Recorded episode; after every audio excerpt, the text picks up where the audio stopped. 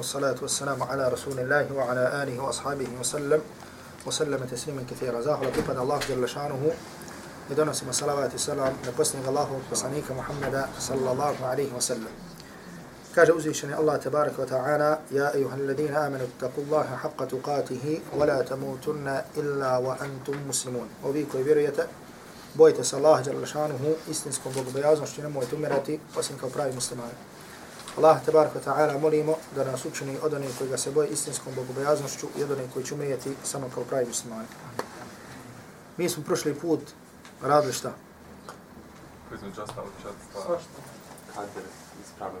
Dobro, završili smo Fatihom. Završili smo Fatihom. Dobro. Večeras ćemo nastaviti znači, sa tefsirom.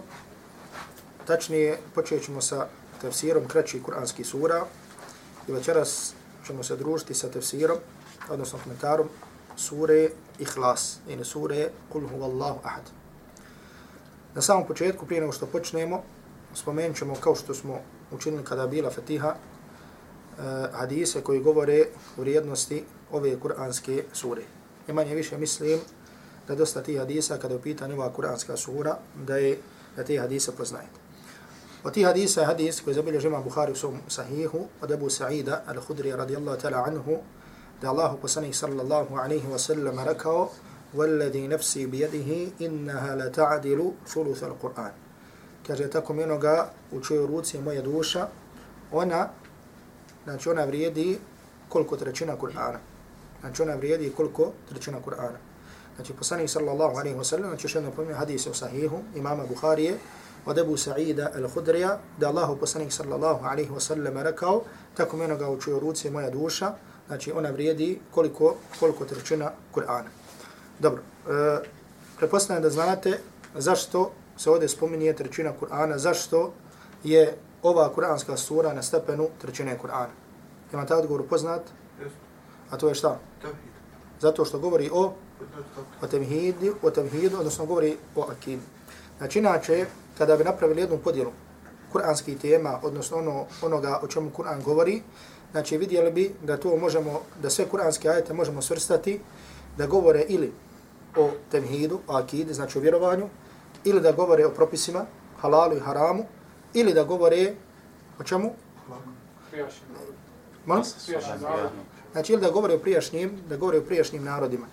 Pa tako, kuranska sura, s obzirom, kao što ćemo i to ova kuranska sura, da u sebi sadrži sve vrste temhida i da ukazuje na sve vrste širka, znači ona je, da kažemo, buhvatila na jedan način sve druge ajete u kojima se govori, u kojima se govori o, u kojima se govori o tevhidu. Znači to je jedno od pojašnjenja zašto je Allah poslanih sallallahu alaihi wa sallam znači spomenuo da ona vrijedi, da ona vrijedi koliko je, koliko je rečena, koliko je rečena Kur'ana. Zatim također od onoga što ukazuje na vrijednost ove kuranske sure, znači kao što je zabilježio također imam Buhari u svom sahihu, od Aisha radijallahu ta'la anha, da Allah poslanih sallallahu alaihi wa sallam svaki put kada bi legao da bi šta učinio, znači da bi skupio svoje ruke, znači da bi u njih kljucno, zatim da bi proučio kul huvallahu felekin nas. Znači ove tri kuranske sure. Znači prvo bi proučio suru kul huvallahu, a zatim da bi potrao od svog tijela, znači ono što mogne da dohvati od svog tijela, počinjući od glave pa, pa prema dole. Znači to je također ono što ukazuje na vrijednost ove kuranske sure. Zatim također zabilježi imam Bukhari u svom sahihu da Abu Hurere radijallahu ta'ala anhu hadis kudsi gdje uzvišeni Allah tabaraka wa ta'ala kaže وَشَتَمَنِي ibn Adam i kaže vrijeđa me, vrijeđa me sin Adamov kaže wa amma shatmuhu ilayya a kaže što se tiče njegovog vrijeđanja mene kaže to je da kaže ittakhadha Allahu walada Allah je uzeo dijete. Da kaže uzvišeni Allah tabaraka wa ta'ala wa ana al-ahad as-samad alladhi lam yalid wa lam yulad wa lam yakun li kufuwan ahad a kaže ja sam ahad ja sam samad. Ja sam onaj koji nije rodio niti je rođen niti mi je iko niti mi iko ravan Pa evo on kuci hadisu, da kažemo skoro cijela ova kuranska sura spomenuta, odnosno Allahove tabaraka wa ta'ala imena i svojstva koja su spomenuta ovde, znači došla su u govoru Allaha tabaraka, došla su u govoru Allaha tabaraka wa ta'ala. Zatim također imam termizi u svom sahihu je zabilježio hadis od Ubej ibn Ka'aba radijallahu ta'ala anhu koji ukazuje na povod objave ove kuranske sure. Na povod objave ove kuranske sure. Inače, ne znam da li smo govorili kada smo govorili o Fatihi, znači da kuranske sure, odnosno ajete, znači da imamo ajete koji imaju povod objave, a da imamo ajete ili sure koji nemaju povod objave. Obratite pažnju na ovo. Znači imaju kuranski ajeti i kuranske sure koji nemaju povod objave. Znači nije bio neki događaj koji se desio pa da su objavljeni ti ajeti ili te sure. Međutim, postoje određene kuranske sure i određene ajeti koji imaju povod objave. Šta to znači? Znači da se je desila određena stvar, pa da je uzvišeni Allah tabarak wa ta'ala objavio, da je objavio taj ajet ili te ajet ili tu kuransku, ili tu kuransku suru. Međutim, kao što kaže jedan broj islamskih učenjaka, tačnije šihul islam ibn Taymiye, da je poznavanje povoda objave, e, povoda objave ajeta i sura, znači to je od stvari koji pomažu na razumijevanju samog ajeta. Znači vam spominjem jedno, tako da kažem pravilo. I zato je veliki broj, e, znači postoje više dijela, znači gdje su islamski učenjaci sabirali samo hadise u kojima se govori o povodu objave. U kojima se govori o povodu objave. Znači šta je povod objave da je objavljena ova ajet, ova kuranska sura i tako dalje. I zato kaže šeheh l-Islam ibn Taymiyyah, ma'rifatu sebebi nuzuli ju'inu ala fahmi l'aje. Poznavanje povoda objave, znači ili sure ili ajeta, ju'inu ala fahmi l'aje pomaže čovjeku u razumijevanju, u razumijevanju tog ajeta. Znači kada znamo šta se je desilo, pa je došao znači određeni ajet ili određena kuranska sura kao odgovor, kao odgovor na to. Pa u ovom hadisu, koji je zabilježi imam Tirmizi u svom sahihu od Ubej ibn Ka'aba, se kaže da su došli mušrici Allahovom poslaniku sallallahu alaihi wa sallam i da su mu rekli insib lana rabbek, opiši nam tvoj gospodara ili daj nam njegovo porijeklo. Znači daj nam njegovo porijeklo, daj nam njegov opis. Pa je uzvišeni Allah tabarak wa ta'ala objavio ovu, objavio ovu kuransku suru, a to je kul, reci o Muhammede, kul huwa Allahu ahad, Allahu samad, lam yalid wa lam yulad wa lam yakul lahu kufuwan, kufuvan ahad. E, znači ovo su, da kažem ukratko, naravno, znači postoji, da kažemo, veliki broj, e, skoro za svaku kuransku suru, znači ovo možete razumjeti, otprilike kao jedno pravilo, Znači, skoro u svaku kuransku suru postoji veliki broj hadisa, međutim koji nisu vjerodostojni, koji govore, koji govore o vrijednosti te kuranske, koji govore o vrijednosti te kuranske sure. Tako da ima, znači, još da znate još hadisa, znači, normalno, ovo samo su neki od vjerodostojnih hadisa, međutim, postoji još hadisa koji nisu vjerodostojni, koji govore o fadiletima, o fadiletima ove kuranske, ove kuranske sure. Dobro, kada u pitanju ova kuranska sura, znači, koja je, kao što smo vidjeli, znači, znači, e, ove predaje ukazuju na važnost ove kuranske sure, pored svega toga možete znači još dodati da je bilo islamski učenjaka koji su pisali zasebna djela u kojima su komentarisali ovu kuransku suru. I šehehu Islam ibn Taymiye tačno ima dva djela, dva djela u kojima je govorio samo o tefsiru, u kojima je govorio samo o tefsiru ove, ove kuranske sure. Pa tako, znači prvi ajet, u prvom ajetu se kaže Kul huvallahu ahad, reci, znači on je jedan. Znači ova e, riječi Allaha tabarak wa ta'ala kul reci, znači su ajet, je ajet, odnosno početak ajeta koji nalazimo još nekim kuranskim surama. Kao što je, na primjer, kul a'udhu bi rabbil falak, kul a'udhu bi rabbin nas, kul ja ejuhan nas i tako dalje. Znači ovo ukazuje, znači od stvari na koju ukazuje ovo, jeste da je Kur'an Allahu tabarak wa ta'ala govor. Znači od prvih stvari na koju ukazuje ova kuranska sura, a to je reci o Muhammeda, znači prenesi ljudima, da je Allah jedan, znači ukazuje da je Kur'an Allahu tabaraka wa ta'ala govor. I Kur'an ko Allahu tabaraka wa ta'ala govor je svojstvo od Allahu tabaraka wa ta'ala svojstava. Znači svojstvo od Allahu tabaraka wa ta'ala svojstava koje nije stvoreno. Za razliku od Mu'tazila koji kažu šta? Da je Kur'an, da je Kur'an stvoren. Mišljenje ahli sunnata wal džamata jeste znači da je Kur'an šta? Allahovo svojstvo i da ono nije da ono nije stvoreno. Jer Allah te barek ve ta'ala svojstvo, znači ne možemo reći da su ona, da su ona stvorena. Dobro. Međutim, ukratko, znači, e, veliki broj ljudi misli kada je u pitanju razum, e, poimanje, odnosno definicija Allahovog govora, da tu postoji samo jedan pravac koji je od strani od pravca ahli sunnata. A to je, znači, mišljenje Mu'tazila ili još prije njih Džahmija, koji kažu da je Kur'an stvoren. Znači, ne, po pitanju Allahovog tabaraka wa ta'ala govora, postoji više postoji više znači pravaca koji su od, odstupili od toga. I radi važnosti toga, šehehu l-Islam ibn Taymiye, poznato je dijelo šehehu l-Islam ibn, ibn Taymiye koje se zove Tisa'inije. Tisa'inije, znači Tisa'in znači 90. Znači šta znači ovo dijelo 90? Znači to je, znači šehehu l-Islam ibn Taymiye bio upitan o dokazima da je Kur'an Allahu tabarak wa ta'ala govor.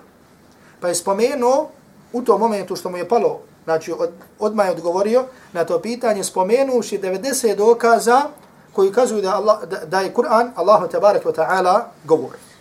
Znači što je u tom momentu, znači napisao odmah, znači jeste da je spomenuo 90 dokaza koji kazuju da je Kur'an Allahu tabarak wa ta'ala govor. Međutim, znači oni pravci koji su od strane, koji su zastranili, od pravca ahli sunnata wal džamata kada je u pitanju Allahu tabarak wa ta'ala govor su sljedeći. Znači prvo, oni koji kažu da je Kur'an stvoren. I ovo je mišljenje Džahmija i posle toga Mu'tazila. Znači kažu šta? Kur'an je stvoren. I od savremenih, da kažemo, frakcija koje su prisutne, su Rafidije, znači šije koji zastupaju ovo mišljenje i kažu Kur'an je stvoren. Znači kažu Kur'an je stvoren. Drugo mišljenje jeste oni koji kažu lafzi bil Kur'an mahluk. Znači, moje izgovaranje, obratite pažnju, moje izgovaranje Kur'ana ili moje učenje Kur'ana je stvoreno. Znači, ovi se, znači, zovu, znači, ovaj pravac se zovu lafadije. Znači, oni koji kažu šta, znači, pogledajte, znači, nisu rekli, znači, Kur'an je stvoren, nego moje izgovaranje Kur'ana, to je stvoreno. Znači, Imam Ahmed je ovu novotariju smatrao gorom od novotarije oni koji kažu Kur'an je stvoren. Zašto? Zato što je na neki način manje jasna i zato što ljudima više, da, da kažemo ljude, lakše može ili na jedan način uvuću tu šubhu da kažu mišljenje koje nije mišljenje ahli sunnata wal džemata. Znači mišljenje ahli sunnata wal džemata je po pitanju ovoga koje je po pitanju drugih e, pitanja Allahu, Allahu i tabarika ta'ala svojstava jednostavno. A šta to da je Kur'an? Allahu govor. Znači Allahu govor nije stvoren ni gotovo. Znači tu, tu je stala priča. Međutim, Kur'an stvoren, e, moje izgovaranje Kur'ana stvoren i tako dalje, znači sve su to pravci koji su odstranili od pravca ahli sunnata wal džemata, tačnije od pravca prvih generacija. I neki od tih pravaca su jasni u svom dalaletu. Međutim, neki su manje jasni. Oni, oni koji su manje jasni su opasni od onih koji su jasni. Obratite pažnju na ovu stvar. Znači, novotarije koji su, tako da kažemo, koje e, ponekad se na neku novotariju hoće da se obuče odjeća sunnata. Znači, takva novotarija je gora od jasne novotarije. Pa su tako ovi došli i rekli su, nećemo reći Kur'an stvoren, nego lafadi bil Kur'an mahluk. Moje izgovaranje Kur'ana je stvoreno. Znači, imam Ahmed, imam Ahmed je vidio od najpoznatijih koji su prostavili džahmijama. Znači, je rekao da je ova novotarija gora od novotarije da je Kur'an šta? Da je Kur'an stvoren. Kao što ćemo doći vidjeti kasnije kada je u pitanju Allahove tabarak wa ta'ala svojstvo. Znači, gdje imate znači, svojstvo oni koji negiraju pravac oni koji negira Allaha tabaraka ta'ala svojstvo. Međutim, postoji pravac oni koji se zovu mufawwida, koji kažu, na primjer, ovi, na primjer, džahmije drugi, će reći nije Allahova ruka, nego Allahova moć. Jel u redu? Oni kažu nije Allahova ruka, nego Allahova moć. Međutim, doće jedan pravac koji se zovu mufawwida, oni kažu ne znamo šta znači Allahova ruka. Može biti moć, može biti ovo, međutim ne znamo šta je značenje toga. Također za ovaj pravac, šeheh Islam ibn Taymiyyah rekao da je gori od, da je gori od prethodnog, da je gori od prethodnog pravca. Zatim, kada je u pitanju poimanja Kur'ana, od onih koji su odstupili od pravca ahli sunnata val džamata, jesu eša'ari maturidi. Znači, koji kažu da je Kur'an Allahov govor, ali kažu kalam nafsi, kažu govor duše. Znači, šta znači kod njih, E, da je Kur'an Allahov govor, kažu kelam, kaže to je kelam nefsi, govor duše. E, od prilike, znači kako to hoće da kažu, znači ono što čovjek, o čemu čovjek misli u sebi. Od prilike, jel razumijete? Jer kažu zašto? Zašto neće da kažu da je Allahov govor, kao što kaže Ahli Sunnat al Kažu ako kažemo Allahov govor, onda moramo reći da je to govor koji ima saut, koji ima zvuk, koji ima harfove, koji ima ovo, i da su nisu tako rekli, nego su rekli da je to govor, govor duše. Znači, također je pravac koji je odstupio od pravca ahli, od pravca ahli sunnata ili džemata. Znači, ako bilo tako, znači normalno, zato je šehr Lusam ibn Temije napisao odjelu tis'ini. Ako je to tako, kako je Musa čuo govor Allaha tabaraka ta'ala kada mu se obratio? kako meleci kada čuju, znači ko što je došlo u predama, kada meleci čuju Allahov govor, znači udare svojim, udare svojim krilima i tako dalje što je došlo, ili na sudjem danu da će uzvišeni Allah tabaraka wa ta'ala reći. Oni kažu ne, to je govor, to je govor duše. Dobro, mora i naći neku osnovu za to, kažu osnova za to je u arapskom jeziku. Kakva je osnova u tome za arapskom jeziku? I našli su stih, znači od jednog pjesnika koji je zvao Ahtal. Znači on je bio pjesnik kršćanin koji je došao sa stihom innama l-kalamu la fil fuadi wa innama ju'ila l-lisanu ala al-fuadi dalila. Kaže, govor je ono što je u srcu. A kaže, jezik je učinjen dokazom nad srcem. Govori ono što je u srcu. Uglavnom da skratim, znači sa ovim su rekli šta? Znači ovo je kod njih kao dokaz to. Međutim, za ovo nalazimo jasno dokaz u sunnetu Allahovog Rasula sallallahu alaihi, alaihi wa sallam. Da li neko dokaz za ovo Znači dokaz za ovo je kada poslanik sallallahu alaihi wa sallam govori o namazu. Pa kaže inna hadihi sala, ovaj namaz, la yasluhu fiha še'un min kalamin nas. Obrate pažnju. Ovaj namaz, u njemu ništa nije dozvoljeno od ljudskog govora. Ovaj namaz, u njemu ništa nije dozvoljeno od ljudskog govora. Kako je ovaj hadis dokaz protiv ovog mišljenja? Ha? Zato što to implicira da sve što izgovaraš u namazu, ono što je Što nije ljudski govor, odnosno prenesem znači što je Allahov govor. Ne. Znači ovo ukaziva, znači Allah Đelešanu kaže, poslanik sam sam kaže, ova je naš namaz, znači kad staneš namaz, Allahu Ekber, od početka do kraja, ne smiješ ništa da pričaš. Je li tako? Dobro. Ako čovjek nešto progovori, namaz mu je šta? Neispravno. Dobro. Međutim, može li se desiti čovjeku kad je namazu da pomisli na nešto? Može, može. Ha? Da pomisli na nešto? I da kaže u sebi, joj, kako mi onaj rekao to. Dešava se. Dobro, ako neko pomisli na nešto, da li je došao dokaz koji kaže da je, da je čovjek u namaz pokvaren? Nije. Znači ovaj hadis ukazuje da ono na što čovjek pomisli u sebi, da to nije od stvari koji kvare namaz. Znači da to nije kalam, da to nije govor. Znači ovo je između ostalo jedan od dokaza koji ukazuju na što, znači na neispravnost, na neispravnost ovog mišljenja. I zato kada je u pitanju govor Allaha tabaraka wa ta'ala, kažemo da je to govor, znači šta, onako kako govor Allahovo svojstvo, onako kao i drugo svojstvo, onako kako dolikuje uzvišenom Allahu tabaraka wa ta'ala. I dokle su neki otišli, znači vi znate u Kur'anu, učenju Kur'ana, kada čovjek prouči pred nekim Kur'an, znači ima nešto što se zove, znači ima nešto što se zove iđaza. I sada u toj džazi se kaže šta, znači ovaj proučio pred ovim, ovaj proučio pred ovim, ovaj proučio pred ovim, ovaj uzo, znači dok se dođe do poslanika alaihi salatu wasalam. Poslanik alaihi salatu wasalam uzo od koga? Od Džibrila, Džibril uzo od koga? Od Allaha tabaraka ta'ala. Znači, odbijaju da pišu uzo od Allaha tabaraka ta'ala. Jer kažu kako? Ako kažemo uzo, znači čuo. A znači ne može, znači da govor čuje od Allaha tabaraka ta'ala, jer to govor koji šta? ko ima glas, ko ima zvuk i tako dalje, znači zablude, znači kao i druge stvari, znači druge šubhe sa kojima su, sa kojima su došli. Dobro. Znači, kul huvallahu ahad.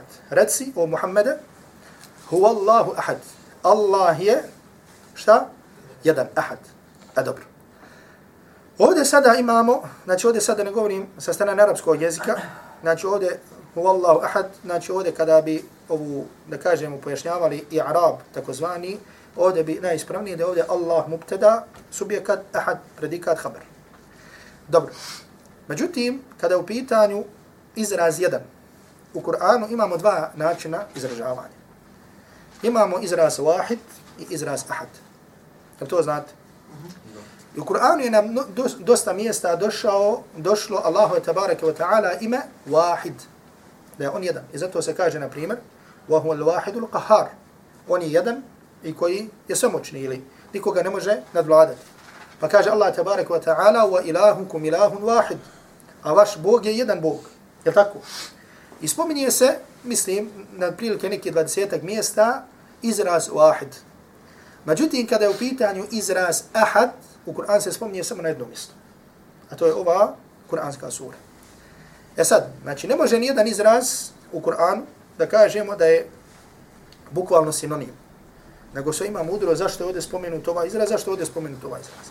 Pa tako, u arabskom jeziku imamo razliku između imena, između riječi wahid i riječi ahad.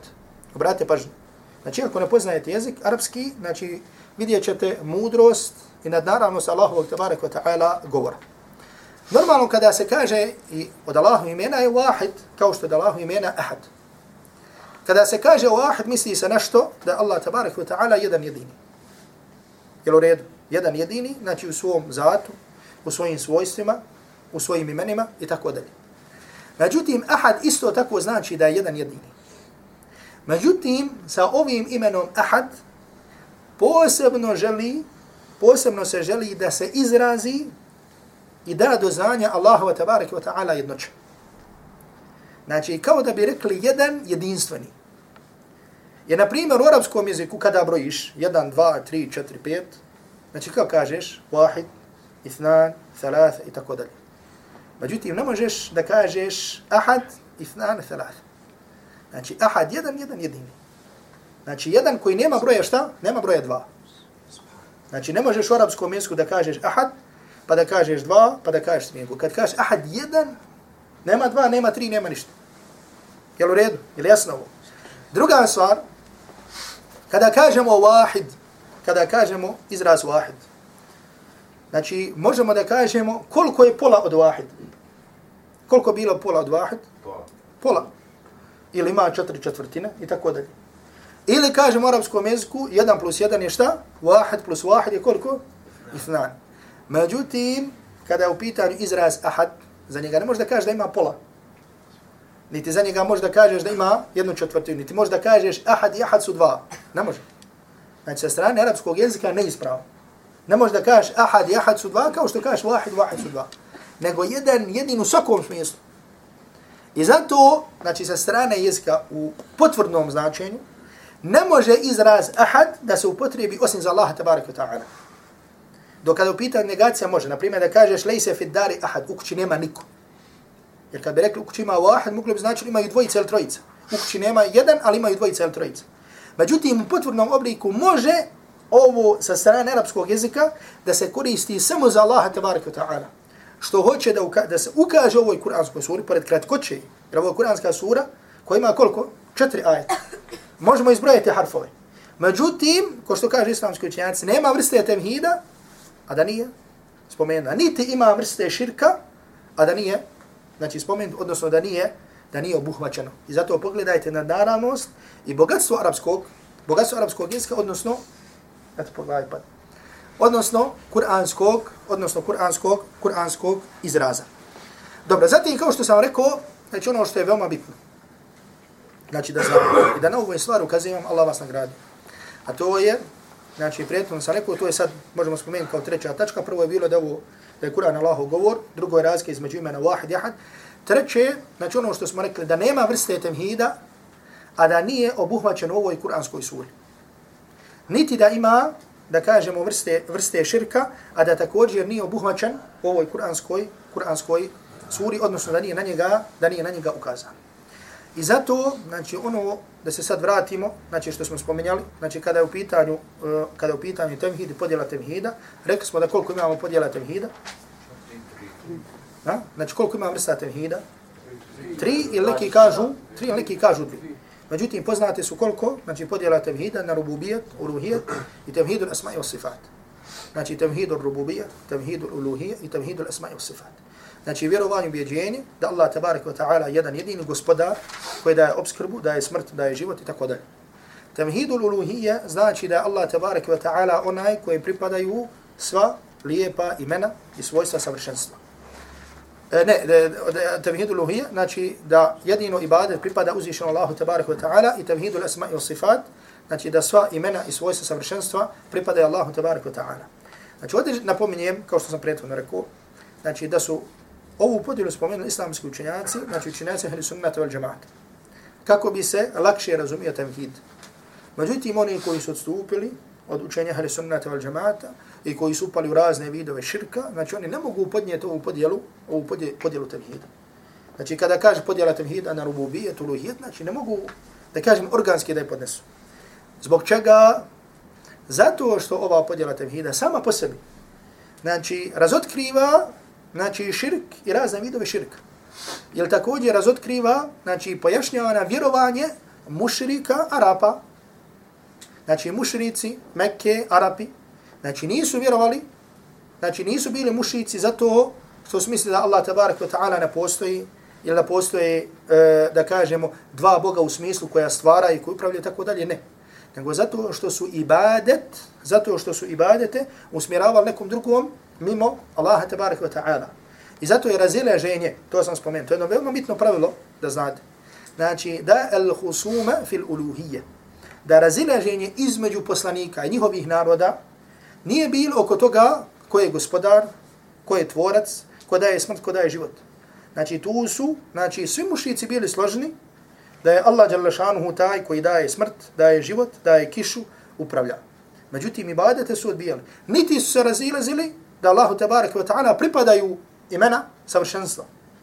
Jer njihov zadnji, krajnji cilj je bio šta? Zadovoljstvo uzvišenog Allaha tabarak wa ta'ala. Međutim, vjerovali su, usmjeravali su svoje ibadete i božanstvima, vjerujući da će i oni približiti uzvišenom Allahu, uzvišenom Allahu tabaraka wa ta'ala, kao što ćemo, kao što ćemo spomenuti. I zato kada spomenemo i kažemo temhidu rububija, vidimo da su i mušrici tu vrstu temhida poznavali, odnosno prihvatali. Međutim, drugu vrstu temhidu luluhije su odbijali kao što i odbijaju oni koji danas znači upadaju razne u razne vidove u razne vidove širka.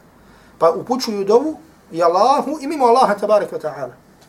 Kao što je došao ashab poslaniku alaihi salatu wasalam, pa ga poslanik pitao koliko obožavaš božanstava?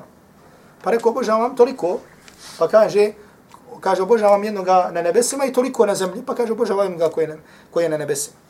Međutim kada danas dođeš kod nekih koji se pripisuju islamu kao što su šije Znači, obožavaju više božanstva nego što su obožavali mušrici Mekke.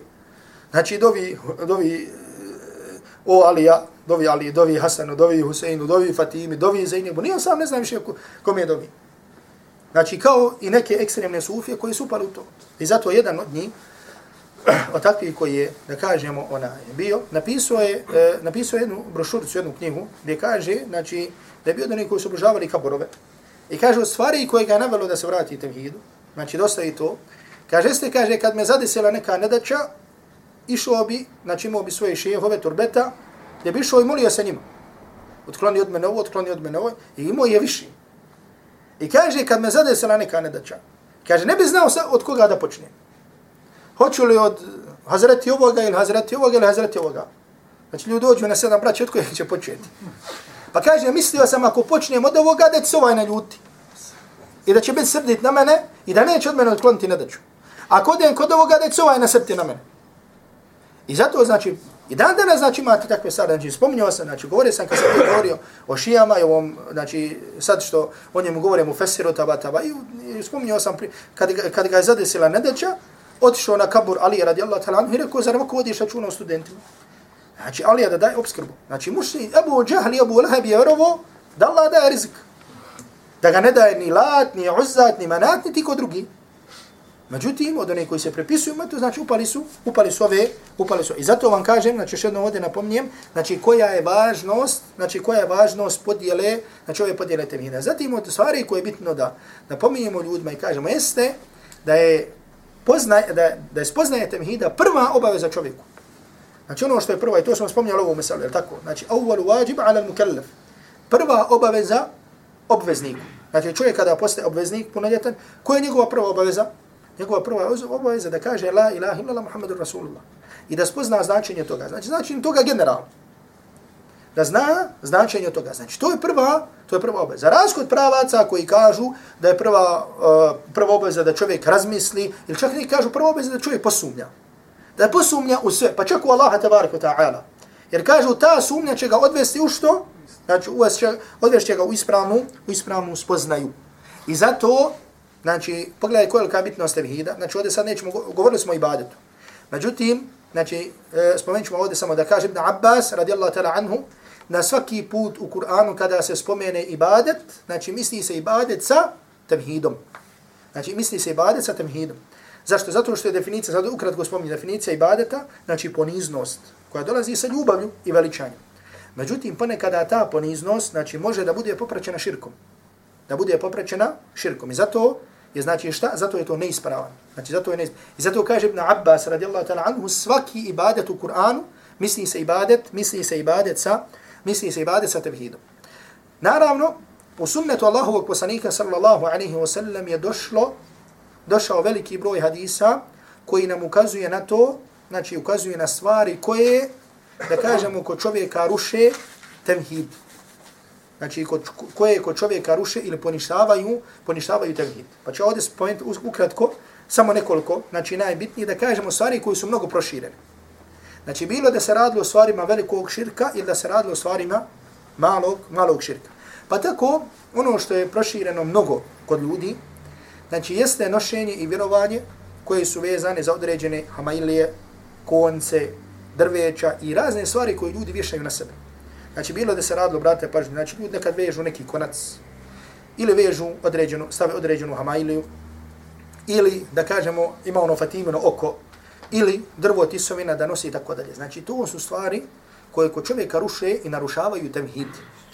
Znači, dokaz je za ovo, znači, između ostalog hadis koji zabilježi imam Mahmudu svom musnadu od Imran ibn Husayna radijallahu ta'ala anhu, da je Allahu poslanik sallallahu alaihi wa sallam vidio kod čovjeka narupicu. Pa mi je poslanik sallallahu alaihi wa sallam rekao, ma hadihi, šta je ovo?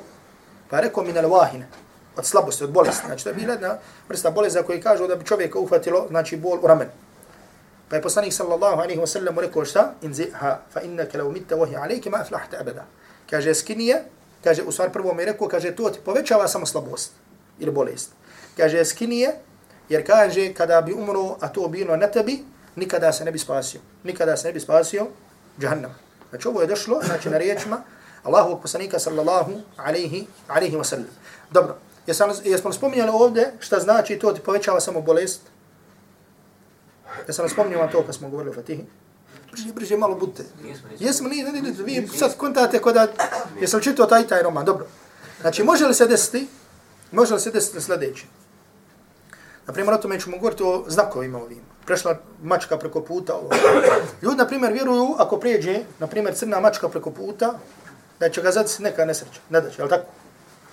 Je li tako? Može li se desiti da čovjek kaže, prešla mi crna mačka preko puta i da čovjeka zaista zadesi nesreća. Može. Može. Kako to? Pa vjeruju. Ha? Vjeruju sam to da mu se to ide. Vjeruju to da se Da vjeruješ da to nema veze s mačkom. Nema To nama odredba da se to desi. Ne, ne, da ono što ga zadesi, da ga je baš zadesilo na te mačke. Može li to biti? Evo, kad bi da bio neka fotelja, ovako je da vam pričam do 12. Može, znači, na primjer, drugi primjer, ode čovjek, Gdje ono, kod vas neđe ode, on nije sedam braće, jel? Ispod dole. Čovjek ode na sedam braće, vjerujući da će mu to donijeti neki braće, da će od, u stvari od njega otkloniti neku nedaču. I čovjek dođe tu, bude, bude, bude i stvarno od njega se otkloniti ta nedača. Je moguće? Moguće. Zašto? On se poveća dalalet neko. Odlično, da se poveća dalalet. Isto, na primjer, čovjek dole kod nas u Hercegovini, ovi što idu na gospu, ode čovjek bolestan, bude, bude gore, ozdravi. Je moguće? Moguće. Znači, zašto, brate, pažnji sad ovdje. Znači, ovdje poslanik alaihi salatu wasalam kaže, ovo je jedan dokaz za toga. Ovo je bitno da znate. Jer ljudi nekad kažu, to mi se desilo. Pa ta stvar, to mi se desilo, kod ljudi ubaci šubhu. A šubhe što čovjek manje poznaje, znači više mogu da ga zadese. I zato učenjaci generalno kada govore šta je zašto diskušenja od šubhe, kažu da je znanje. A to je, znači, dokaz za toga u ovom hadisu. On je rekao, čega to nosiš, kad nosi od te bolesti, pa mi poslanik alaihi salatu wasalam rekao, fe inna la jeziduke illa wahda. Kaže, to ti samo tvoju bolest, to ti tvoj bolest samo povećava. Znači, zašto mu tvoj bolest, zašto to tvoj bolest povećava? Znači, kao kazna za to tvoje vjerenje i to tvoje ubiđenje, znači, povećava se tvoja bolest. Kao kazna za ono što činiš. Isto, na primjer, znači, slično tome hadis, u stvari, upuće na to hadis, je poslanik sallallahu alaihi wa sallam kaže, innama tijara ala men tatajjar. Kaže, loš znak zadesi onoga koji u njega gleda da kažem ako bukvalan prevod. Znači loši znakovi, znači Arapi su imali kad hoće da krene na put, uzme pticu i pusti je. Ode je tamo, dobro, ode je tamo, nije dobro i tako dalje. Znači slično kod nas, na primjer, znači razni znakovi, toga je crna mačka. Pa kada u to gledaš, Allah tabarak wa ta'ala te kazni tako što će da ti poveća tvoju zabludu, pa ti dadne da se to, dadne da se to desi, naravno, Allahovim kaderom i Allahovim određenjem. Kao kazna za to tvoje. Tako ljudi dođu kod kabura, kod, do, i pove, zašto? Allah je lašanu ka kazni bilo da se radilo da kažemo ovo ili ovoj vrsti zablude. Znači moguće da čovjeka da čovjeka zadesi. Zatim također od toga, od tih hadisa, hadis koji zabilježi imam Bukhari i Muslim, od Abu Bashira al-Ansari radijallahu ta'ala anhu, da kaže, bio sam sa Allahovim poslanikom sallallahu alaihi wa sallam na nekom od njegovih putovanja. Fa arsala rasula. Pa je poslanik sallallahu alaihi wa sallam poslao izaslanika. To je bio Zaid ibn Haritha. Pa je rekao, Alla jebaka jedna fi raqabati ba'irin qiladatun min watar au qiladatun illa quti'at. Da je poslanik sallallahu alaihi wa sallam rekao, odnosno da je poslao izaslanika da rekne ljudima da obznani. Znači, ovo sad ono da rekne jednom dvojicu, nego da se javno obznani. Kaže, neka na vratu, neka, neka, neka na vratu deve ne ostane onaj, kako se kaže, qilada. Neka ne ostane, znači, što se veže oko vrata. Uže. Uže, koje je od vetera. Koje je od vetera ili uže obično, a da se ne otkine. Znači, šta je vetar? Znači, imate ono luk i strijelo, ali tako? E sad onaj luk, onaj konopac što veže, što veže luk. E, tetiva. Arapi su imali uvjerenje ubjeđenje, znači kada više ono prestaje da daje svoju funkciju, s obzirom da je bilo, znači da otklanjalo neprijatelja od čovjeka, uzimali su taj, da kažem, tu tetivu i vezali bi je o životinje ili o čovjeka. Sa uvjerenjem da to otklanja urok. Sa uvjerenjem da to otklanja urok. Pa su to koristili, znači neko koristi to, znači ima ljudi koji to koriste na, život, na životinjama. Znači da mi kravu ili ovo ili ono ne zadesi šta? Urok ili nešto. Isto tako za djecu, isto tako za auta i tako dalje. Znači razne stvari. Ljudi, na primjer, stave potkovicu od konja na auto, stavi hamajlu u auto, određene i tako dalje. Znači s uvjerenjem da otklanja urok, da daje korist, da otklanja štetu, da donosi sreću i tako dalje. Pa je poslanik sallallahu alaihi wa sallam naredio da se zovne među ljude, da im se kaže da to ne ostane illa kutiat, a da se ne otkine. A da se ne otkine. Znači ovaj hadis je jasan, znači hadis u Buhari muslimu, znači da je poslanik sallallahu alaihi wa sallam naredio da se takve stvari kidaju. Naredio da se takve stvari da se takve stvari kidaju. Naravno, ova stvar, brate, pažnju, znači može biti veliki, može biti mali širk. Je li jasno? Znači sve što ljudi stave, znači može biti mali ili veliki širk. A kada je mali, kada je veliki širk? A? Mali iz neznanja možda. Ne iz neznanja. Mali kad misli da ognja Allahom volju. Znači, ako čovjek stavi i misli da je to što je stavio uzrok, uzrok, da je to uzrok, onda je to šta? Da je uzrok, a da Allah Đalešanuhu daje korist reštetu. Međutim, da je ona uzrok da Allah tabaraka wa ta'ala dadne korist reštetu. U tom slučaju je to šta? Mali širk. Jer kogod, kao što ćemo nekada spomenuti, znači kogod učini uzrokom ono što nije uzrok, znači učinio je mali širk. Međutim, ako čovjek vjeruje da to samo po sebi, da kažemo, djeluje, znači da to samo po sebi daje korist ili daje, daje štetu, to je šta? To je onda veliki, to je onda veliki, to je onda veliki širk. Naravno, ovdje postoji jedna stvar koji je izuzetak. A to je izuzetak ukoliko čovjek zapiše, napiše nešto od Kur'ana i to stavi. Znači, ukoliko e, se stavi nešto što je zapisano od Kur'ana, ili od dova, ili od Allahovi tabarak wa ta'ala imena, znači to je izuzetak. Šta znači izuzetak? Znači, prenosi se od jednog broja selefa da su to dozvoljavali. Znači, prenosi se od jednog broja selefa da su to dozvoljavali. Zato kaže ših Muhammed ibn Abdullah u kitabu Tauhidu, وإن كان وإن كان معلق من القرآن فرخص فيه بعض السلف. Ako ono što se objesi, ako bude od Kur'ana, jedan broj selefa je to dozvolio. Znači, mislili su da je to od vidova liječenja, od vidova liječenja Kur'ana.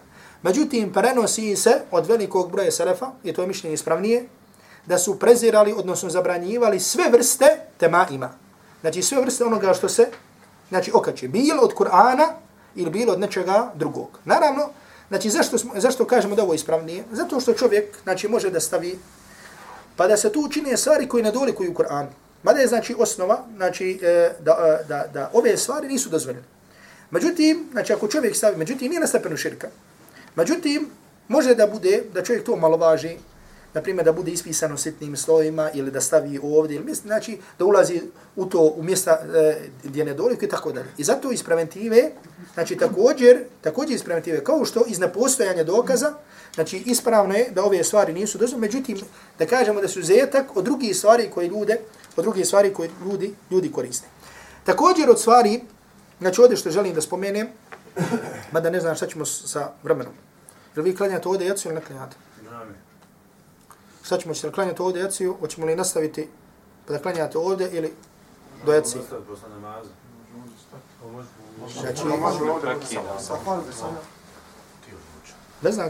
Znači, može ćemo. Ja bih volio da, da bude ovdje duže pa da ovdje klanjate, ako nije problem. Dobro, druga stvar, o stvari koje ćemo spomenuti koje narušavaju temhid, jesu rukije i razni vidovi rukije. Znači, rukije, znači šta su rukije? Šta je definicija rukije? Liječenje Kur'ana. Nije liječenje Kur'ana. Općenito rukije. Ruke je da... Nije. Da li neko, znači, je li neko naišao? Znači, nemojte, uh, ovo, ono, znači, nemojte mi ti, znači, pročito, nisam pročito. Znači, šta je definicija ruke? Zapamte, rukija je govor sa kojim se liječi bolesnik. Znači, ruke je govor sa kojim se liječi bolesnik. Pa tako imate u crkvi popova koji se riju i džovole. Znači, on šta radi onom bolesniku? Uči mu rukiju. Znači, uči mu rukiju. Međutim, rukiju koji ima kufra, širka i tako dalje.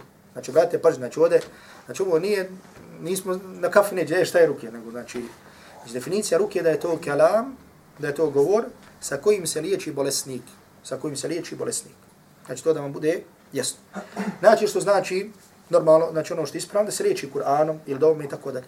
Međutim, na primjer, ko što čitate možda u novinama i tako dalje, da se, da tamo negdje po crkvama liječi od duhova i tako dalje, znači, to je ruke.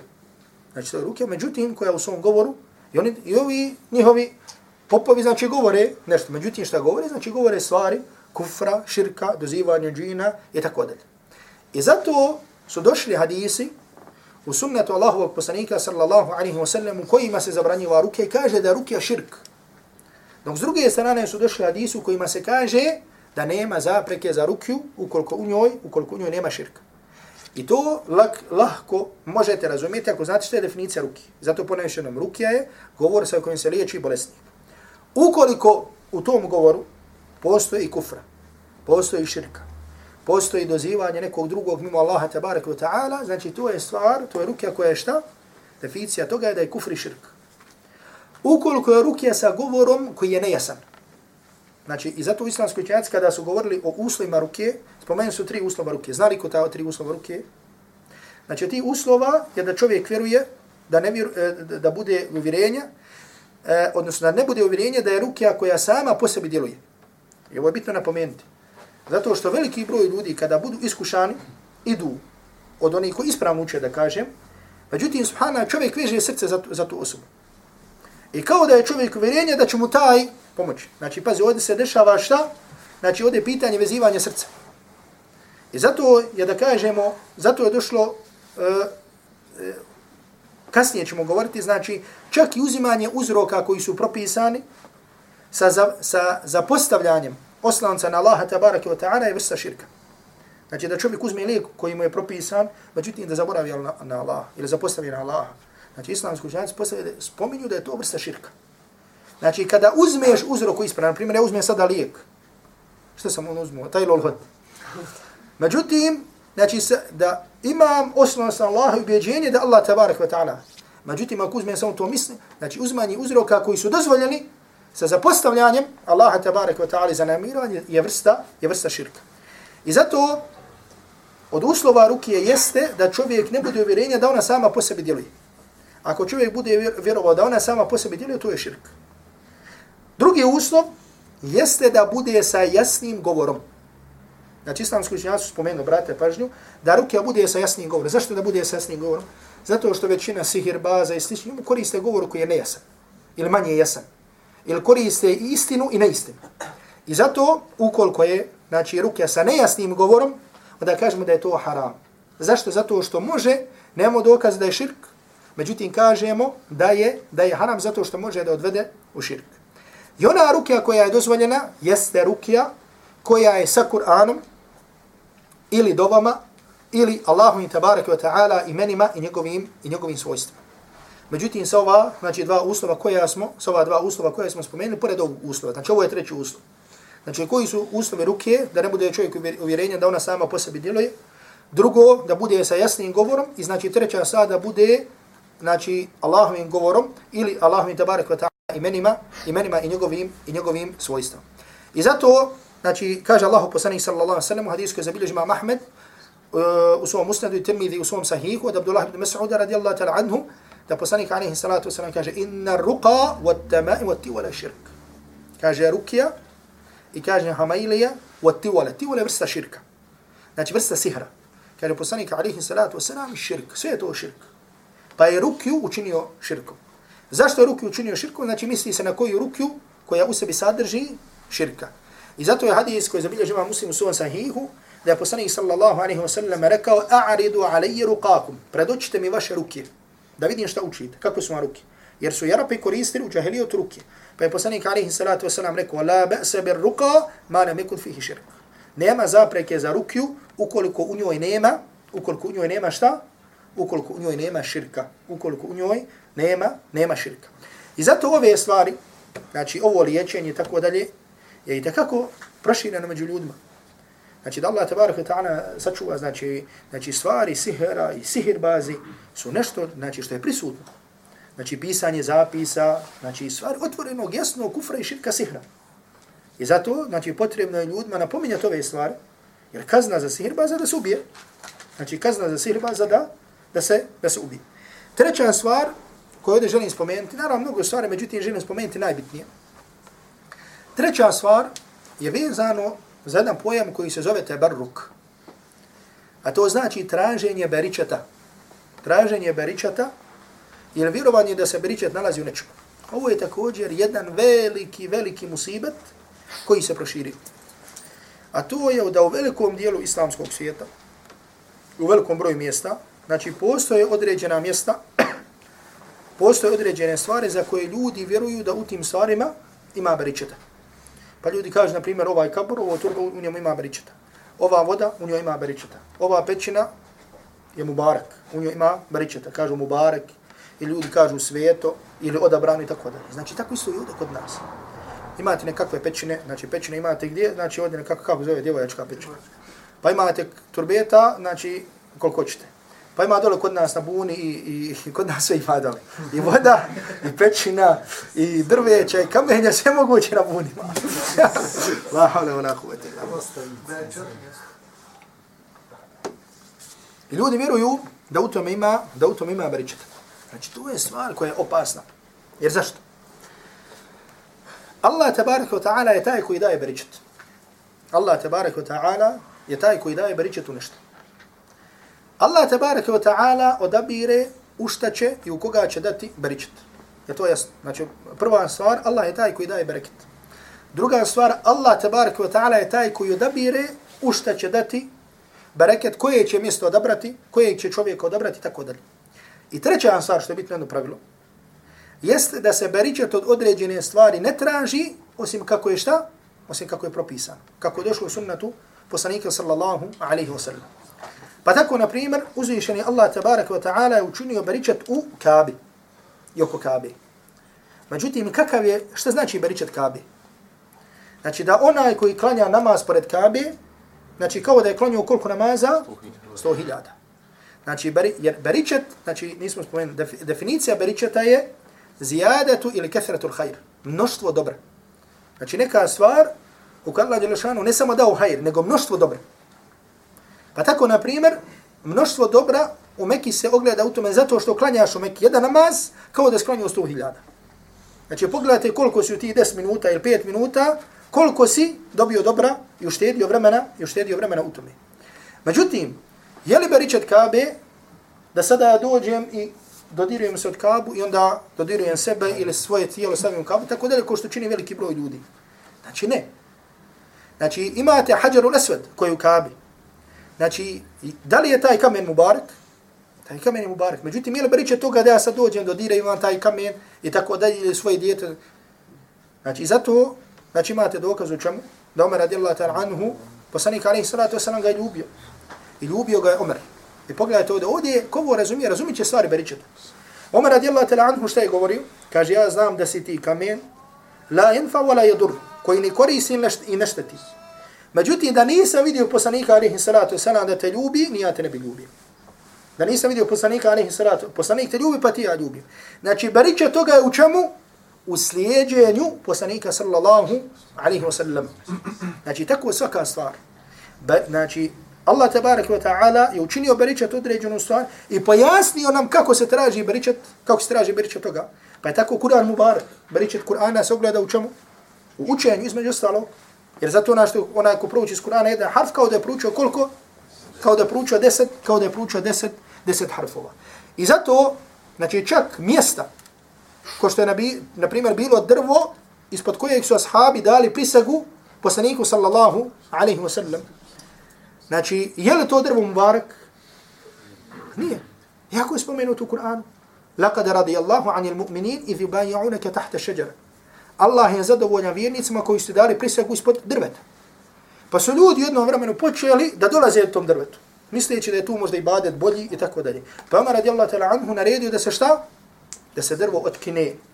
Omar radijallahu ta'ala anhu naredio da se drvo otkine i to se drvo, to se drvo otkinulo. To se drvo otkinulo. Dobro. Što znači vidite koliko je opasno, ja sad kažem, e ova voda je vala Mubareć. Ovdje je zbistrika voda, to je Mubareć, to je Mubareć dova. Znači to, to je prije svega najmanja deređa. To grijeha jeste da je to lažna Allah. Znači kako da kažeš da Allah učinio posebnom određenu vodu, kad Allah tabarak wa ta'ala nije učinio. I zato ne kažemo za određenu stvar da je odabrana, da je Mubareć, osim ako zato postoji dokaz u Kur'anu i sunnetu Allahovog poslanika. Bilo da se radilo mjestima, bilo da se radilo vremenima, bilo da se radilo osobama i tako dalje. Pa tako mjesta koja su odabrana, između stalog Mekka. Ja tako? Vremena koja su odabrana, između ostalog je šta? Mjesec Ramazan. Znači ljudi koji su odabrani su poslanici. I tako dalje, i tako dalje. Znači ovu stvar. I zato još jednom kažem, vidite kolika je opasnost da dođe čovjek kaže to je Mubarak. Taj kabur, to drvo, to ovo. Međutim, ove kod nas, da kažemo manifestacije, znači Ajvatovica, Pećina, Blagaj, znači su sve su manifestacije u kojima je sadržan ovo. Znači u kojima je sadržan, u najmanju ruku, brate, pažnji kažem, u najmanju ruku da ljudi kažu, u tome ima beričita. Ili jedan broj, ili jedan broj ljudi.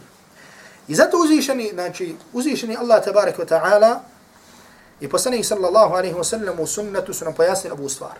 Je došlo pojašnjenje ovoga. I zato uzvišeni Allah tabarek wa ta'ala uh, ko razumije, ovo se opet reče onom podijelu tevhida, ko razumije kakva je bila vjera mušrika Arapa u vremenu objave Kur'ana, razumit će veliki broj stvari koje su vezane za tevhid i širk. I stvari vezane za novotari. Pa tako uzvišeni Allah tabarak wa ta'ala u suri Najm kaže أَفَرَأَيْتُمُ اللَّاتَ وَالْعُزَّ wal-uzza wa ath-thalithata al-ukhra. Jel ste li vi vidjeli lata i manata i uzzata? To ste ste li vidjeli? Znači ovdje dolazi pitanje u smislu ismijavanja. Ovo je kuranski stil istifham, bi mana taubih. Znači to ste li vidjeli, to mislite vi da vam oni nešto mogu onaj, donijeti beričeta ili ovoga ili onoga. Allah tabarik wa ta'ala se sa njima ismijava. Dobro, ko su bili lat, Uzat i menat? I šta su ljudi tu radili? Znači, Lat, Uzza i Menat, naravno, Arapi su imali dosta božanstava koji su božavali, ali s vjerovanjem da je to približava Allahu tabarik wa ta'ala. Međutim, od najpoznatijih njihovih božanstava je bio ko Lat, Uzza i Menat. Zašto su i ovako zvali? Znači, ovo su, vjerovali su da su ovo izvedenice od Allahovih imena ženskog roda. Da su ovo izvedenice od Allahovih imena ženskog roda. Pa Lat od Ilah. Uzza da je ženski rod od Aziz. I tako dalje da Allah tabarak wa ta'ala da Allah tabarak wa ta'ala od toga, da Allah tabarak wa ta'ala od toga sačuva. Pa je lajat bilo, iako drugi e, postoji e, rivajet u sahihu imama Buharije od Ibn Abbas radijallahu ta'ala anhu, koji kaže da je lat bilo ime čovjeka, koji je kana je lutu sabiq lil hađ, da je, hađ, da je to bio dobri čovjek koji je hađama pravio hranu. Znači mušici su prije, znači imali obred hađa. Da je bio čovjek koji je pravio hađama hranu i kada je umro, da su ljudi ga zakopali i na njegovom mjestu napravili turbe. Znači stavili stijenu i da, su, da je počela da se obožava. I Lat je bilo božanstvo koji su obožavali stanovnici Taifa i oko Taifa. Znači Arapi koji su živjeli u Taifu oko Taifa. Uzza je bilo drvo koji su obožavali Kurejšije. Znači od njihovi najpoznatijih božanstava. A Menat je bilo božanstvo koje su obožavali neka plemena kao što Hudejl i Huza'a koje je bilo na putu između Mekke i Medine. Dobro kako se je, sad pitanje ključno, kako se je ogledalo njihovo božanstvo, ovih, o, njihovo obožavanje ovih božanstava? Lata i Uzzata i Menata. I su oni govorili, e, Lat je gospodar nebesa i zemlje. Ne. E, gledajte. Znači, gledaju se kroz sljedeće stvari. Prvo, njihova mjesta gdje se oni nalaze su smatrali odabranim. وَكَانُوا يُعَذِّمُونَهَا I to su veličali. Znači, smatrali su, da tako kažemo, da su ta mjesta be, beričetla. Znači, mjesto gdje, gdje je bio Uzzat, znači ta palma to drvo, vjerovali su da je to odabrano. I zato ako god kaže za određeno mjesto da je odabrano, znači liči, pa da neko ne kaže, kažu da su, ne, ne, nego liči mušricima u tom uvjerenju. Jer ponekad ove stvari koje ljudi rade na turbetima, nekad mogu da budu novotarija, nekad mali širik, nekad veliki širik, tako dalje. Međutim, onaj koji smatra da je doređeno mjesto svijetu, znači liči muširicima u njihovom svetkovanju ovih ovih mjesta. Dobro. Druga stvar, šta su također radili? Na tim mjestima su obavljali, na tim mjestima su ibadetili, činili itikaf. Šta znači činjenje itikafa? Znači mi itikafimo kada? Stvari da Allah opisni, ja nisam, ja ne itikafim. Onaj, Allah popravi naše stanje. Od vas koji itikafi, i kada? Međutim, propisi itikafa i kada u zadnjoj, u zadnjoj trećini. Šta znači itikaf? Boravljenje negdje. Znači držanje negdje. Znači u džami si tu boraviš i ne smiješ da izlaz, izađeš iz džami. Tako su oni dolazili, boravili na tim mjestima gdje su njihova božanstva. Zašto su tu boravili? Zato što su vjerovali da su tu ibadeti bolji. Između ostalog su upućivali ibadete tim božanstvima. I zato ako danas neko dođe na neko mjesto i kaže ovdje je namaz bolji, ovdje je namaz beričatli, ovdje se dova prima na sedam braći, osam braći i tako dalje, je poput mušrika kada su boravili na tim mjestima njihovi božanstava. Ili jasno? I to znači tikaf, znači boravak. Boravak zato što misliš, međutim ukoliko tu ima usmjeravanje ibadeta njima, onda je to veliki širk. Onda su to stvari. Međutim da misliš da je tu pa je to kabura da se dova prima i tako dalje, nije stvar velikog širka. Međutim, ako u sve to se nađe da usmjeriš ibadet njima, to je stvar velikog širka. Je ovo jasno? I treća stvar koju su činili jeste da su preko tih stvari se nadali beričetu. Da su se preko tih drveća kamanja nadali da će im uzvišeni Allah tabarek ve ta'ala dati beričet. Preko toga tražili, preko toga tražili beričet. I zato događaj, znači jedan događaj koji ćemo večera spomenuti, uzeti pouke i poruke, je događaj koji nas puno ovih stvari uči. Znači to je hadis koji zabilježi imam termizi u svom sunanu od ashaba koji se zvao Ebu Waqid al-Layfi. Kaže, harađena ma'a nabije sallallahu alaihi wa sallam ila Hunayn. Kaže sa Allahim poslanikom alaihi salatu wa sallam, smo izašli u Hunayn. Gdje je bio Hunayn? Blizu Mekke. Kad su izašli, kada je bio Hunayn? Bitka na Hunayn, kada je bio? Znači neposredno nakon osvojenja, nakon osvojenja Mekke. Kaže, wa nahnu hudatha'u wa ahdin bi kufr. A kaže, mi smo tek, šta? Mi smo tek napustili nevjerstvo tek smo ušli, tek smo bili ušli u islam. Jer, jer, jer pogledajte ovdje, ashabi Allahovog poslanika, alaihi salatu wasalam, znači bilo je među njima oni koji su bili stari ashabi, učeni ashabi, tako dalje. Međutim, među ashabima, zato što je definicija ashaba koji je god vidio poslanika, alaihi salatu wasalam. Znači, samo da ga je vidio, je ashab. Međutim, bilo je oni koji su tek prihvatili islam. I zato je bilo od njih grešaka, nekada koji su vezane, znači, za određene stvari poimanje tevhida, poimanje propisa, poimanje halak, međutim poslanik alaihi salatu wasalam je šta? Odgajao i podučavao. I kaže, mi smo tek bili napustili nevjerstvo. Kaže, walil mušrikine sidaratun. A kaže, mušrici su imali drvo. Ja'kufuna indaha. Pored kojeg su ibadete. Znači, boravili i tikav. Wajanutuna biha aslihatahum. I na to drvo su kačili svoje oružje. Znači, zašto kačili oružje? Misle da će biti bolja u borbi. Kaže, famararna bi. Pa smo sa Allahom i poslanikom, alaihi salatu wasalam, prošli pored tog drveta. Wa kulna, pa smo rekli Allahom i poslaniku, alaihi salatu wasalam. Ja Rasul Allah, o Allaho poslaniče, iđa'al lana sidra, kema lil mušrikine sidra. Allaho poslaniče, daj da i mi imamo ovako drvo, kao što i mušici imaju drvo. Međutim, pogledajte ovdje. Znači, ovaj hadis ukazuje nešto. Znači prvo kada ashab kaže mi smo tek bili izašli iz nevjerstva.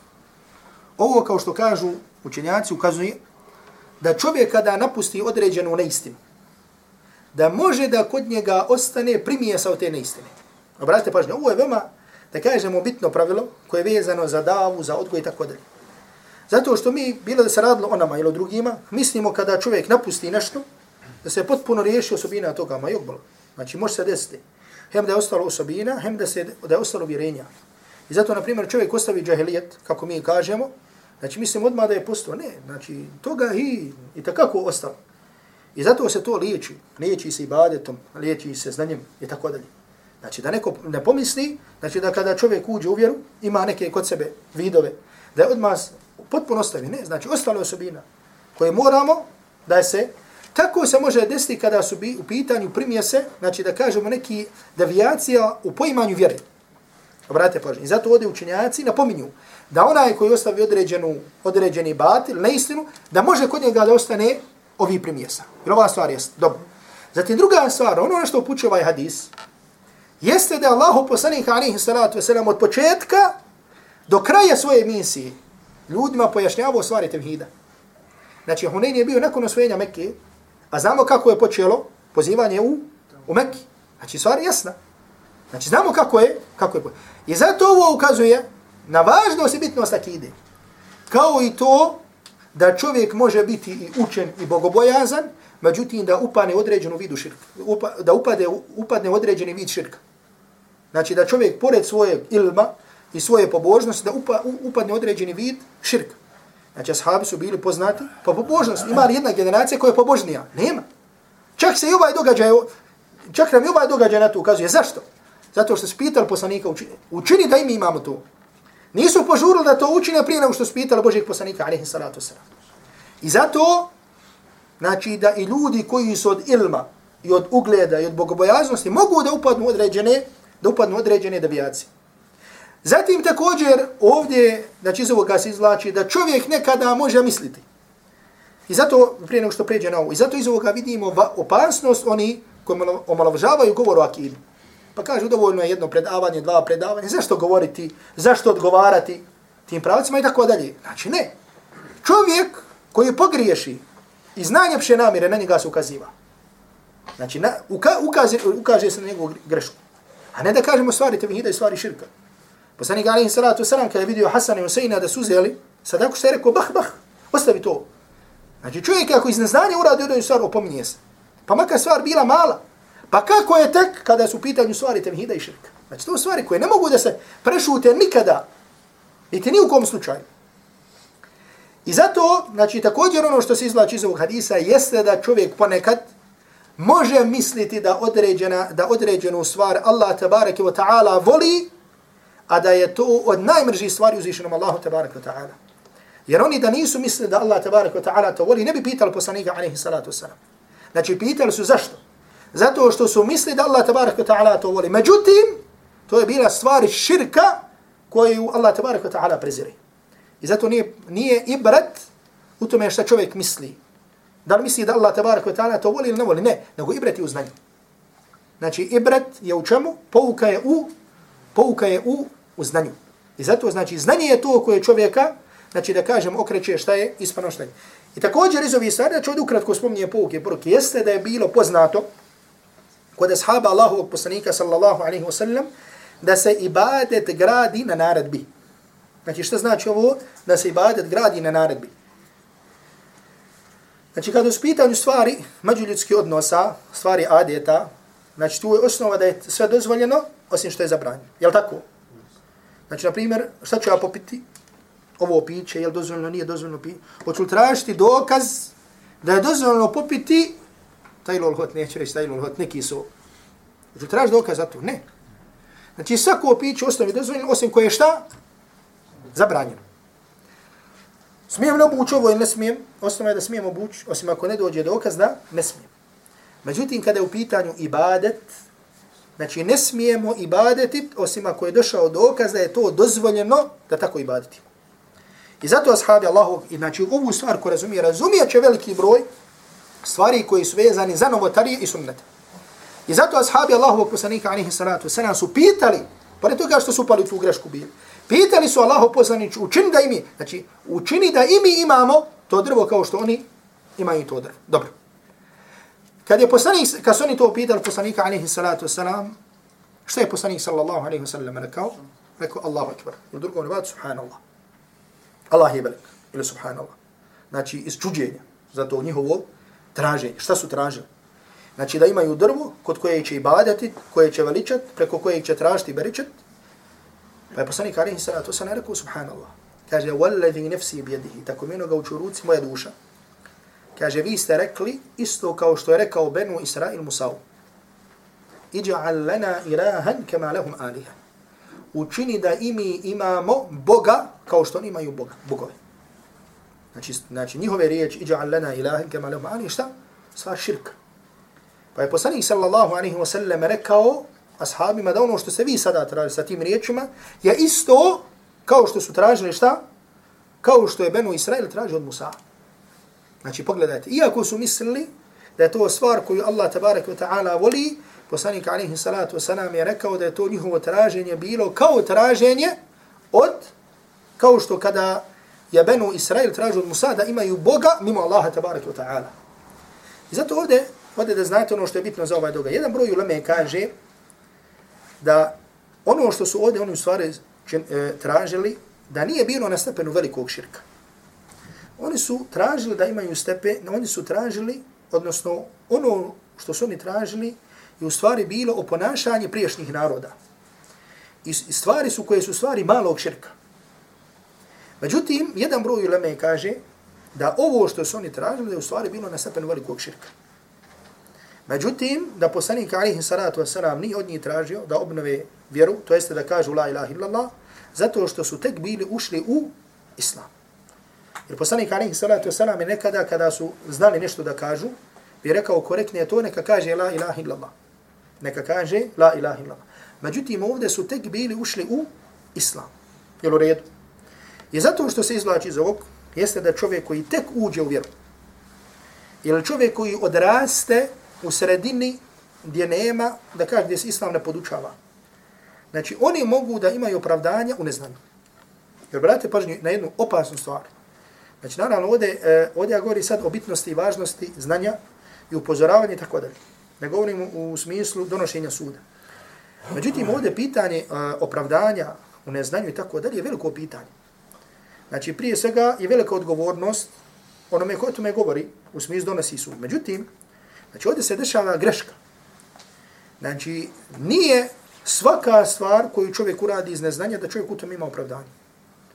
Znači, zato kaže imam šafija, kada bi, opravda, kada bi neznanje bilo opravdanje za sve, onda bi neznanje bilo fadilet. A neznanje. Onda dođe čovjek kaže nisam znao, alhamdulillah, znači bolje prođe na sudnjem danu. Ne. Znači onda bi neznanje bilo fadilet. I zato, znači čovjek koji živi u islamskoj sredini, gdje se govori, gdje može da dođe do znanja, on nema, opravda, on nema opravdanja u svom neznanju. Znači, takav čovjek u neznanju nema opravdanja. Dođe danas čovjek živi ovdje i kaže, ja ne znam da li musliman treba da klanja pet vakata. Je li vallaha im obavezno da klanja pet vakata? Je li to opravdanje? Nije to opravdanje. Jel čovjek na uzu billahi ta'ala psuje Boga ili ne znam šta, ili govori stvari kufra, kaže, čovjek, čovjek govori iz neznanja. Na uzu billahi. Znači, jel nema mogućnost da to nauči? Naravno da ima mogućnost da nauči. I zato neki ljudi su vjerenje, znači to je prava, znači to je vjerenje murđija, koji misle da svaki čovjek koji nešto rekne, da ga treba, da trebaš se sa njim, zovem ga, pojasniti mu, sjeti sa njim na kafu, pojasniti to su stvari širka i tako da. Ne. Znači, osnovi onaj koji počini širk, on je mušrik. Znači isto kao onaj koji počini blud, on je šta? Bludnik. Međutim, neznanje u određenim stvarima može biti opravdanje. Znači, kao što je slučaj, čovjek tek prihvati vjeru. Dođe sada, čovjek tek prihvati islam. I rekne neke stvari koje su od kufra ili širka. Međutim, čovjek tek prihvati. Znači, to može da bude opravdanje. Jel došao čovjek, neđe tamo, živu nekim selendrama, znači nema, hođe ništa živo, ne govore, ni vaze, nema nikoga. Čovjek 10 godina u islamu. Znači, takav može da ima, da kažemo, opravdanje od stvari. Međutim, u svim stvarima, da kažeš da čovjek ima opravdanje, pogotovo stvari koji su vezane za akidu i tako dalje, ne. Znači, to je neispravno mišljenje, potpuno, znači mišljenje koje u, suprot, u suprotno se učenima ahli sunnata al džamata. Znači da čovjek u svim, znači čovjek ima ljudi koji kažu čovjek na udru kopsuje Boga, znači treba razmišljati, ne, može imati opravdanje na zemlji. opravdanje na zemlji da čovjek suje Boga, da govori o Allahu tebareku ta'ala, znači nema stvari, u, nema opravdanja u takvim znanjima. Neznanjem ili ovim ili onim. Dobro. Pa je poslanik, međutim kažu, Znači da ovo što su oni tražili da je u stvari bilo na stepenu velikog širka, međutim da je poslanik sallallahu alaihi wa sallame nije rekao da obnove, da kažu la ilaha illallah zato što su tek bili ušli šta? Zato što su tek bili ušli u islam. Zato islamski učenjaci kažu, Obratite pažnju, znači rekao sam vam da se ove stvari, stvari širka proširile. I zato ponem kada neki koji su da kažemo, koji ne vole ovaj govor o širku, tevhidu i tako dalje, znači hoće da kaže, dobro, jel vi hoćete da kažete, da svim dijelima, da gdje god da su muslimani, da tu ima širka. Pa kažu eh, Muhammed ibn Abdul Wahab, Vahabijska dava i tako dalje, govori da u svim mjestima ima stvari širka. Znači, ako se vratite na govor učenjaka drugih mezheba, na primjer imam San'ani, alim iz Jemena. U vremenu je bi isto kad u vremenu šejh Muhammed ibn Abdul Wahhab je napisao djelo koje zove Tathiru li i'tiqad. Kaže da nema djela islamskog svijeta da u njemu nema širka. Znači niti Vahabija, niti Znađda, niti išta. Znači drugi, šafijski, malikijski, drugi kažu, hanefijski, gdje god ima drvo, ili kabur, ili ne znam šta, da ljudi ga smatraju svetim, kaže to je isto kao sidrat, kao, kao sidra, znači ovo drvo, kao, kao, kao drvo koje zove dhatu anuat, jer ovo se drvo zvalo, zvalo dhatu anuat, i kaže obaveza da se to drvo otkine. Znači gdje god ima pećina, gdje god ima izvor, gdje god ima kabur, turbe, ne znam šta, da ljudi smatraju da je svetim, preko toga traže beriče, tu misle da je ibadet bolji, on je isto kao dhatu anuat. On je isto kao dhatu anuat. I zato pogledajte, znači oni su, pogledajte iz ovog hadisa šta su dolazili i činili kod ovog drveta i šta ljudi danas dođe i čine na pećini, na ovome, na onome i tako dalje. I zato Allah robi, znači, e, ove manifestacije su velike opasnosti i obaveze ljudima ukazivati. Znači u nekim stvarima, znači nema da čovjek kaže pa ne, neka znači tu je možda bolje da se prešu i tako dalje. Ne, znači stvari temhida i širka. Znači to ono što je osnova, ono što je osnova ove vjere. I zato da kažemo, znači učenjaci, ehli sunnata val džamata, su kroz vremena od prvih, da kažemo, vremena pojava novotarija, ukazivali znači, na sve devijacije koje odvraćaju od sunnata Allahovog Rasula, sallallahu, odvraćaju od sunnata Allahovog Rasula, sallallahu, e, sallallahu alaihi wa sallam. Dobro, postoje ovdje još stvari, znači ovdje eh, e, koji ćemo još spomenuti, međutim, inša Allah, ostavit ćemo onaj, e, za sljedeći put, gdje ćemo spomenuti još ove neke stvari, znači koje mislim da su bitne i nužne da se spominju kada se govori o stvarima, o stvarima tevhida. Zatim ovdje je došlo, znači ovoj kuranskoj suri, se spominju dva Allahova tabaraka ta'ala imena. A to su koja? Al-Ahad i Samet. Jel, jel jasno? Šta znači Al-Ahad? To smo pojasnili. Šta znači As-Samet? Znači šta? Znači Allahu tabaraka ta'ala ime As-Samet.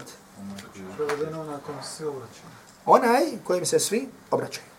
Znači ovdje, znači odmah da vam kažem, znači ako budete čitali tefsire, najićete da kažemo na nekoliko mišljenja kod selefa. Znači od toga da, na primjer, se kaže الَّذِي la يَأْكُلْ وَلَا يَشْرَبْ. Onaj koji ne jede i koji ne pije. Međutim, zatim od toga je mišljenje i najpoznatije mišljenje ste as-samed da onaj الَّذِي yusmadu إِلَيْهِ al-khalaiqu fil. Onaj kojem se ljudi obraćaju u svojim potrebama.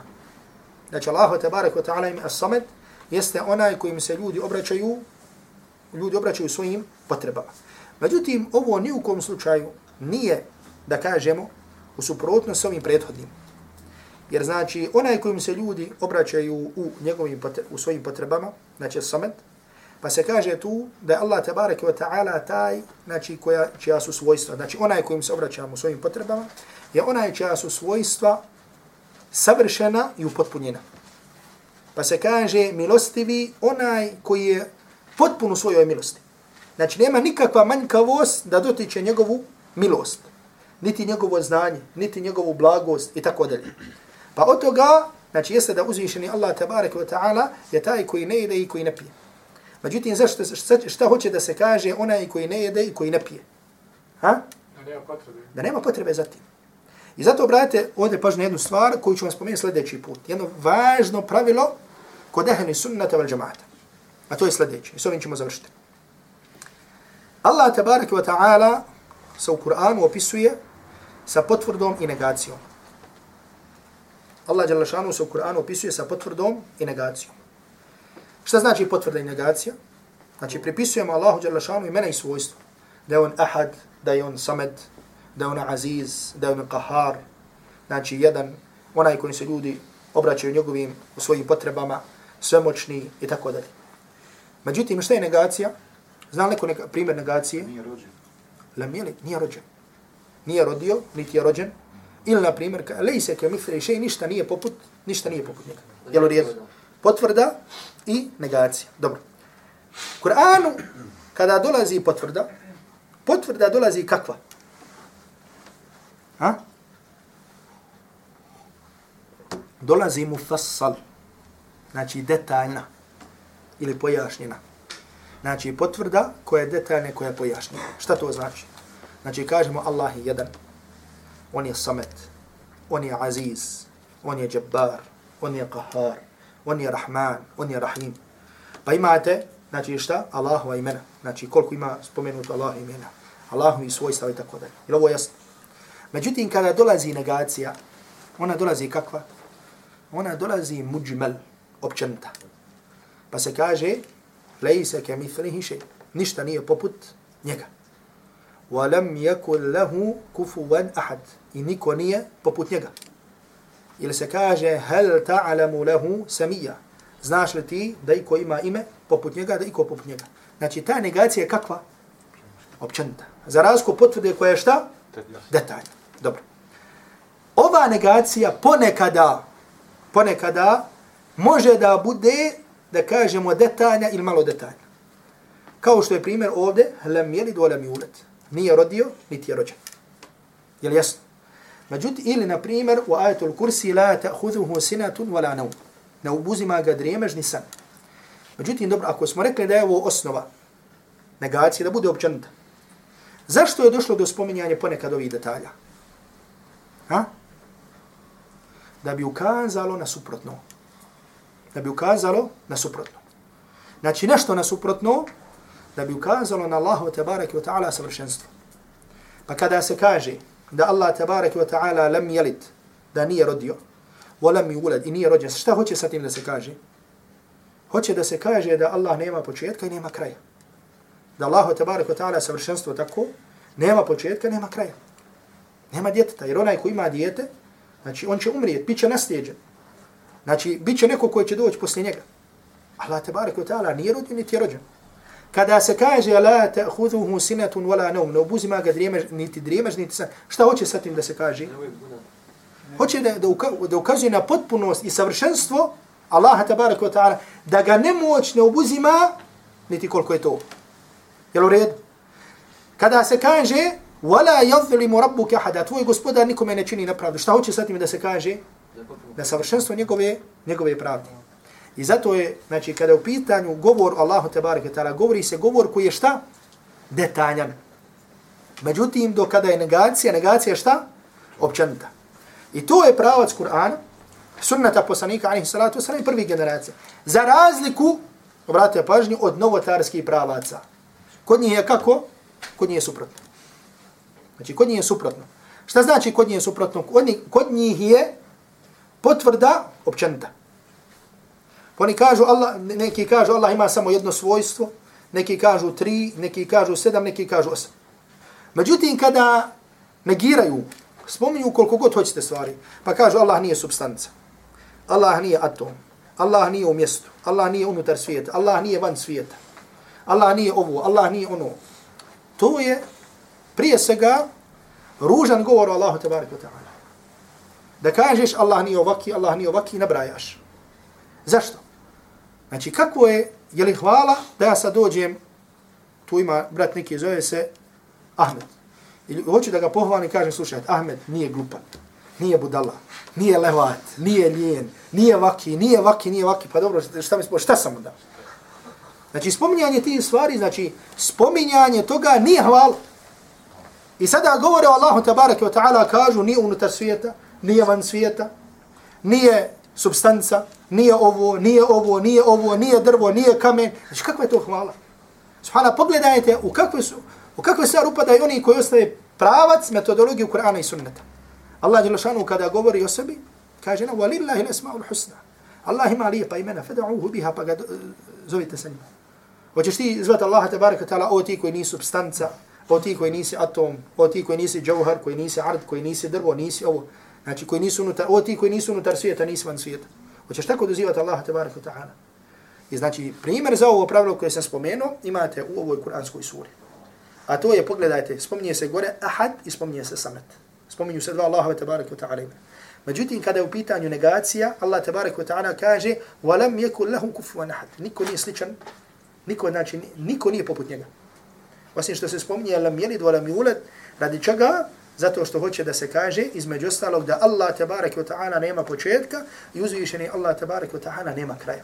I to ukaziva nešto na savršenstvo uzvišenog Allaha tabarak wa ta'ala kojeg, kojeg obožavamo. S ovim ćemo se zadovoljiti.